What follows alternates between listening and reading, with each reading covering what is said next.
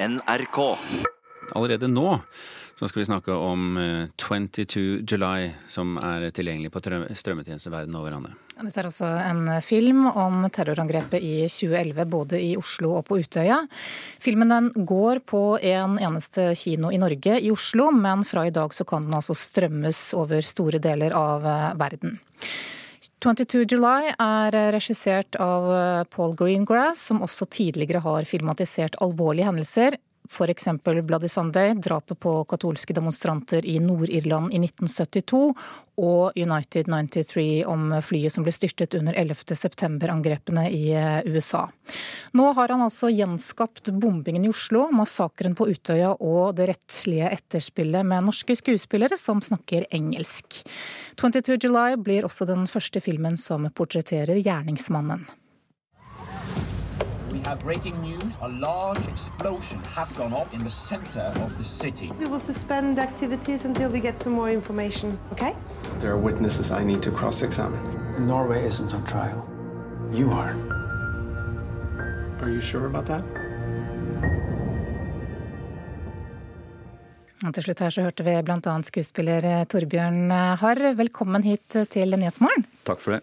Du spiller altså faren til brødrene Viljar og Torje Hansen, som begge var på Utøya under dette angrepet 22.07.2011. Hvilke tanker gjorde du deg da du fikk tilbud om denne rollen?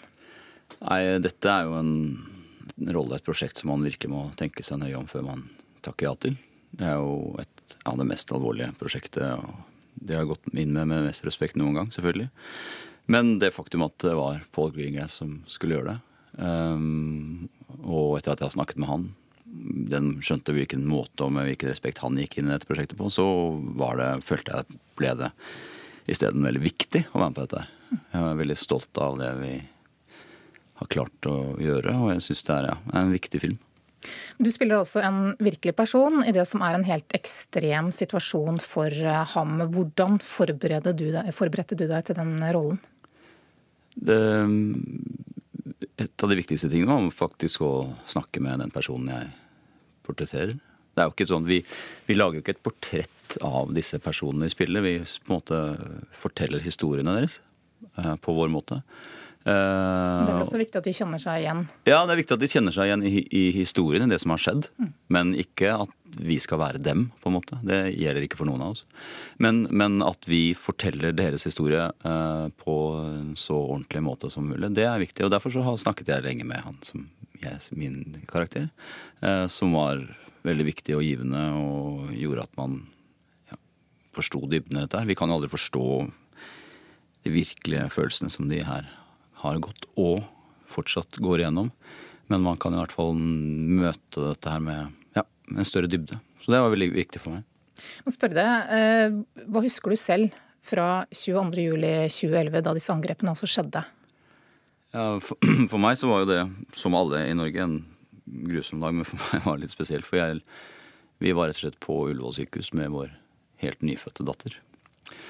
Så det var eh, med et nytt liv i hendene se alle helikoptrene som kom inn, alt, alle pårørende som gikk rundt i gangen. Det var eh, virkelig grusomt å kjenne på.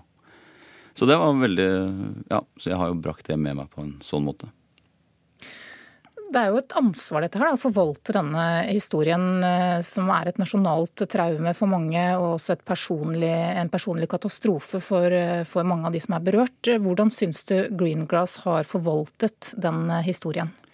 Det syns jeg at jeg synes det er blitt en fantastisk film, rett og slett, som er viktig å fortelle. Og det vet jeg at han etter mange samtaler med støttegruppen osv. har de fleste med seg på. At det er, det er større Selv om dette er vondt for de som er pårørt, eh, så er det så viktig å få fortalt den historien. Jeg har barn selv, jeg har en sønn som går på ungdomsskolen. De lærer ikke om 22. juli på skolen. De snakker ikke om det. Eh, Og at dette her går både på kino og på Netflix, gjør at det er så viktig å nå ut med denne historien til et ungt publikum. Ikke bare i Norge, men i hele verden. For den snakker om et problem som er økende og økende. Eh, terror, ikke minst høyreekstremistisk terror. Sånn at det, det er Jeg føler at det er et så viktig prosjekt å være med på. Og viktig for folk å I hvert fall unge folk å se og vite. Huske. Den har jo ikke fått sånn strålende mottakelser, denne filmen her hjemme, men kanskje heller eh, bedre omtaler ute. Hva er grunnen til det, tror du? Ja, denne har, filmen har fått virkelig gode omtalelser verden over. Men her hjemme så Det er veldig vanskelig å vite.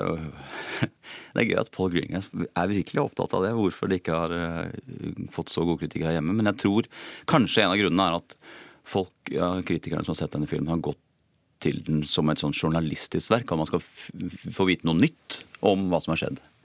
Men eh, de fleste av oss her hjemme vet jo uh, veldig mye om det som har skjedd. Så man, får, man, går ikke til den filmen for å få vite noe nytt. Noe, det er ingenting som blir uh, oppdaget her som man ikke vet. Men å skjønne den emosjonelle kraften har vært på de som har vært pårørt. Uh, pårørende og alle sammen. Det er en så viktig ting av den filmen. Så jeg vet ikke. Det er kanskje noe der.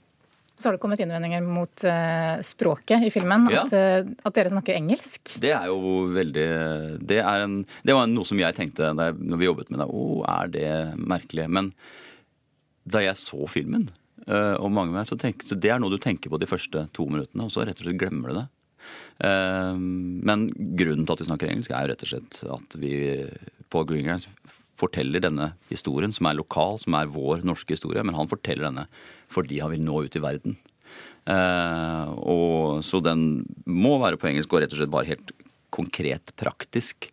Så er Paul Greengrass en av verdens beste regissører, men han snakker ikke norsk. Han kunne umulig ha regissert denne filmen hvis vi hadde snakket på norsk. Men, men, han kunne jo brukt engelskspråklige skuespillere, da. Dere ja, behøvde jo ikke være norske. Det kunne han, men han, grunnen til at han velger norske skuespillere og spiller dette her inn hovedsakelig i Norge, er jo at han vil ha det så autentisk som mulig. Vi sitter i, i eh, Vi er på mange av disse stedene hvor dette er skjedd. Så vi, vi prøver å gjøre det Gir en så autentisk følelse som mulig. Torbjørn Harr, skuespiller, takk for at du kom hit til Nyhetsmorgen.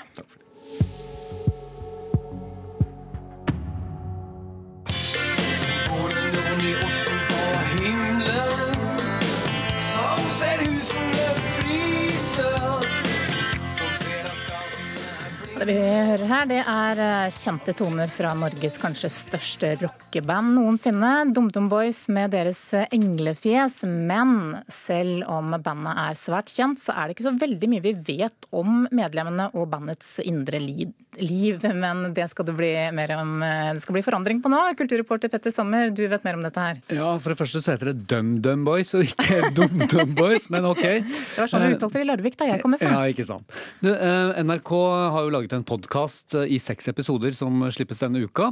Og tre episoder ligger allerede ute. Jeg var og sjekka på mobilen min rett før jeg gikk i studio her nå. Og det er eh, Espen Thoresen, som vi kjenner fra radio tidligere, som har laget denne serien da, om DumDum Boys, som heter Mandag hele året. Og vil vi ha en smakebit på det? Ja. Selvfølgelig.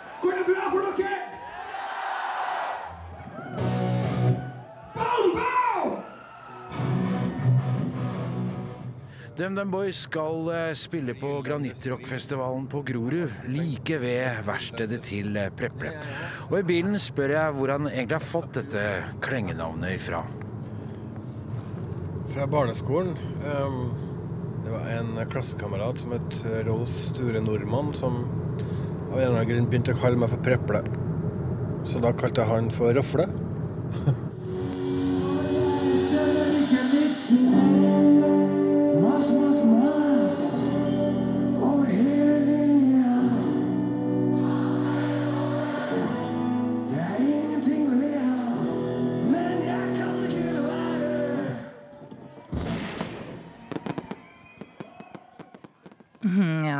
Fikk altså det endelige svaret på hvordan man uttaler navnet på vokalisten i DumDum Boys. Men det er altså mer som blir avslørt. Ja, det er mer som blir avslørt. Espen Thoresen har jo kjent disse gutta i bandet i mange år. Og det er jo ikke nødvendigvis noen eh, fordel når man skal lage en radiodokumentar og en podkast. For det kan jo lett bli tannløst og lite utfordrende når man er venn med folka. Men Thoresen han er jo også en veldig direkte og uredd type, så her blir det også rom for å snakke om litt ubehagelige ting. Som hva da, for eksempel? Som f.eks. har jeg bare hørt litt av, ehm, at Kjartan Kristiansen ble hekta på heroin. Det er jo riktignok kjent og har vært ute i avisene tidligere, eh, men det virker i hvert fall som eh, på tonen eh, mellom reporteren og bandet som om de har en veldig sånn tilforlatelig og ærlig og åpen tone. Og det er jo en fin ting når man lager en radiodokumentar. Um, og i dag kan man jo kanskje si at det ikke er så veldig spesielt å, å snakke om sånne uh, vanskelige ting, for det er jo noe som bloggere og sånt gjør hele tiden uh, i dag. Men for DumDum Boys sin del, som er et band som nesten ikke har gitt noen særlig personlige intervjuer, i hvert fall, så er jo dette ganske nytt og litt annerledes fra den kanten. Ok, Ny podkastserie og radiodokumentar fra NRK, altså, signert Espen Thoresen. 'Mandag hele året' heter den, og er tilgjengelig nå. Hvordan speiler naturen konsekvensene av vårt fremskritt og vår livsførsel? Dette er spørsmål som to svært ulike fotografer stiller på Prøys museum i Horten. Mona Palle Bjerke, kunstkritiker her i NRK, forklarer hva slags utstilling dette er. Ja, dette er sånn som Preus tidligere har gjort også, at det er to utstillinger som snakker sammen. Det er den kanadiske fotografen Edward Putinsky, 'Man and Earth, Light and Shadow', og den norske fotografen Rune Eraker med utstillingen 'Det blinde øyet'. Og der man kan si at Eraker går veldig tett på menneskene, så ser vi de store, får vi det store overblikket, de heftige landskapene og utsynene hos uh, Bertinsky. Så det er sporene av vår utbytting uh, nat i naturen som kommer uh, til, til syne. Og det er to utstillinger som på hver sin måte vil vise de rå konsekvensene av vårt bevisstløse forbruk, miljøforurensning og vår altfor langsomme reaksjon i forhold til de farlige klimaendringene. Kan du begynne med Eraker, da? Hva slags bilder er det han viser? Han er opptatt av konsekvensene av klimaendringene som vi allerede ser i dag at det er ikke noe som kanskje kommer hvis vi ikke gjør sånn og sånn. Det er, det er, en smertefull realitet for mange mennesker allerede i dag. Han viser da gjennomgående gapet mellom fattig og rik. Finske turister på Maldivene. Eh, og så er det liksom Det er jo et sted som trues ikke sant, av stigende vannstand, men som også er et ferieparadis for de rike. Han tar fatt i Angola. Eh, det er jo da den ekstreme rikdommen i Angola. Vi ser en eh, mann som står og spyler sin enorme cabincruiser med skyline med de høye skyskraperne i bakgrunnen. Og så er det stilt opp mot da fattige barn som leter etter mat, eh, eller noe de kan selge i eh, slummen. Så det er dette, Man merker at Rune Eraker er en pressefotograf. Han har et veldig sånn én-til-én-forhold til sine tematikker. Eh, og man trenger egentlig tekstplakatene for å liksom få litt tilgang til bildene. Så det er en veldig sånn type eh, pressefotounivers. Eh, det blir litt som en, en reportasje, og har ikke så mye av sånn, den dobbeltbundede eh, kvaliteten som kunstfotografi eh, ofte har. Så det blir litt sånn én til én. Dette er svart-hvitt-fotografier, så heller veldig profesjonelt eh, tatt. Hva med denne andre fotografen, kanadiske Edward Bertinsky? Det er et helt annet visuelt univers. Det er slående bilder som griper fatt i deg visuelt. De er jo sånn at han, han, på en måte skildrer skjønnhet, eh, og så begynner du å se, og så ser du at eh, motivene ikke er så skjønne som du først trodde. Eh, altså han lurer oss litt. Dette er eh, på en måte mer en miljø- og naturverntematikk han går inn i. Han er opptatt av naturen i forandring, hvordan vårt fremskritt av vår livsførsel påvirker landskapet. Han har tatt fatt i gruveområder, oljesandprosjekter. Landskapet endres og utarmes av måten vi bruker naturen og naturressursene. Det er enorme steinbrudd. Og det er veldig vakre bilder da, hvordan liksom vi henter konkrete biter av naturen ut og etterlater sår eh, og arr. Og det er denne brytningen mellom noe stygt og noe vakkert som går igjen hos eh, Bertinsky. Et veldig sterkt bilde er eh, 'Shipbreaking' fra Bangladesh fra 2000, hvor en skimrende kveldshimmel reflekteres i en sånn gjørmete bakke. Det er et stort utsyn, og så er det noen enorme skipsdeler, altså deler av skipsskrog, som ruver mot horisonten. Hva er det som gjør disse fotografiene så spesielle? Ja, I sine mektige utsyn så refererer han på en måte til romantiske landskapsmalerier. Eh, samtidig som tematikken er alt annet enn romantiske. ikke sant? Dette er blodig alvor for planeten og for de menneskene som berøres. Men er dette en spennende sammenstilling? Det er en litt rar sammenstilling. altså Det er ikke noe tvil om at det er tematisk fellesgods her. Men sånn estetisk så er de så ulike, og man opplever at uh, Bertinski overdøver stakkars Rune Heraker litt grann her, fordi at han er så høyrøstet, han er, det er så visuelt kraftfullt. Mens eh, man opplever at kanskje Rune Heraker ligner mer på veldig mye annet fotografi man har sett. Sånn at det blir Det er kanskje et litt umake par. Eh, så sånn sett fungerer det ikke helt eh, optimalt. Ok, Men hvis jeg skal tolke deg riktig, da, så er utstillingen likevel verdt et besøk? Helt klart. Dette er jo hver især to interessante prosjekter som løfter frem veldig, veldig viktige tematikker. Det sa kunstkritiker her i NRK, Mona Pale Bjerke.